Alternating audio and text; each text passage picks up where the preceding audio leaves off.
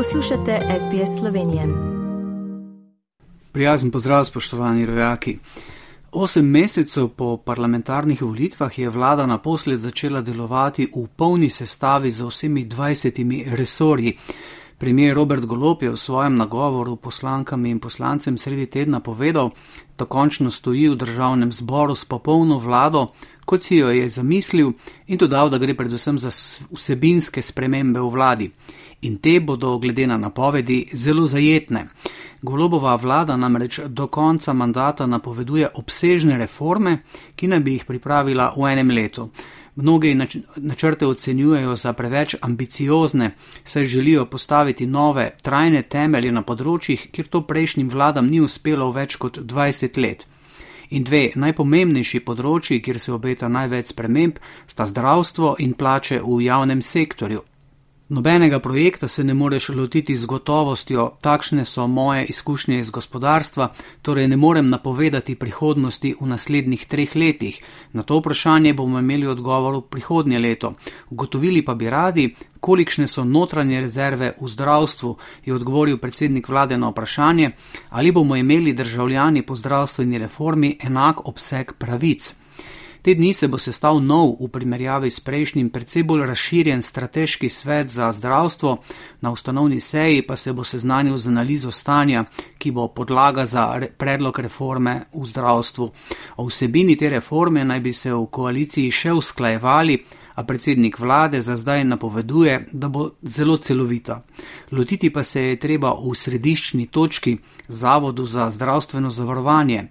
Namen je, da postane po finskem in estonskem modelu poslovanje zdravstvene zavarovalnice javno, ne samo transparentno in še zmeraj skrito pod dežniki kvazi interesov.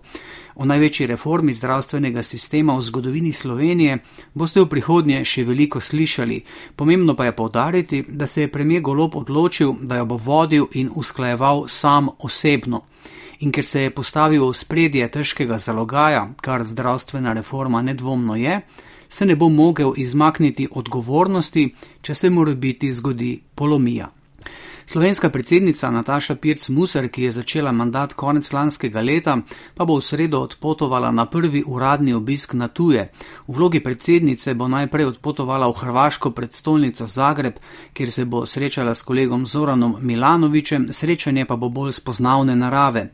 Predsednica si je sprva želela najprej obiskati Nemčijo, torej našo največjo trgovsko partnerico, zatem pa še države Zahodnega Balkana, ki jih prežemajo pre nekatere napetosti napetosti, a zdaj bo vendarle najprej obiskala našo južno sosedo, ki je po njenem nekoliko preveč upletena tudi v dogajanje v Bosni in Hercegovini, kjer bo potrebno nekoliko umiriti strasti. V zadnjih dneh je v Sloveniji precej prahu v delu javnosti dvignila odločitev vlade o združitvi Muzeja slovenske osamosvojitve in Muzeja novejše zgodovine. Kot razlog za združitev na ministerstvu izpostavljajo optimizacijo dela in stroškov, napoved pa je razburila tudi del politike, predvsem na desnem polu. Ministrica za kulturo Asta Vrečko je tako konec tedna na družbenih omrežjih zapisala, da je na svoj domači naslov, kjer živi z družino, prejela sovražno pismo zaradi združevanja muzejev. Upam, da se gospodje, ki že nekaj časa stopnjujejo zaostreno, huiskaško in šovinistično retoriko, zavedajo, kakšne posledice imajo lahko njihove besede, je zapisala ob tem in napovedala, da bo grožnjo posredovala policiji. To so bile novice za danes, pazite na se in vse lepo do našega naslednjega slišanja. Za SBS Aleš Lednik. Všečkaj, deli, komentiraj. Spremljaj SBS Slovenijo na Facebooku.